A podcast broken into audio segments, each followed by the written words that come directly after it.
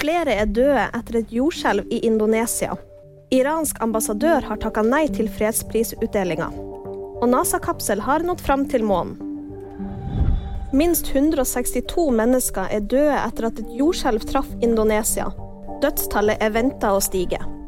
Over 700 mennesker skal være skada da et jordskjelv på en styrke på 5,6 traff øya Java mandag morgen. Skjelvet forårsaka også at øya var uten strøm i flere timer, som gjorde at flere viktige operasjoner ble utsatt. Den iranske ambassadøren har takka nei til fredsprisutdelinga. De siste dagene har tusenvis signert en underskriftskampanje mot at den iranske ambassadøren ble invitert. Flere har også uttalt seg svært kritiske mediene til dette.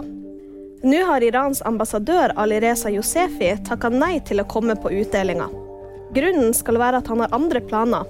Det sier en talsperson for Nobelinstituttet. Raketten Artemis har nådd fram til månen. For første gang på 50 år har NASA sendt ut en romkapsel som skal gå i bane rundt månen. For denne gang ble den 100 meter høye Artemis-raketten sendt uten mannskap. Om alt går som det skal, vil den bli sendt med mannskap neste gang. Ifølge NASA skal mennesker kunne bo på månen i lengre perioder innen 2030. Og VG-nyheter det fikk du av meg, Live Auskar.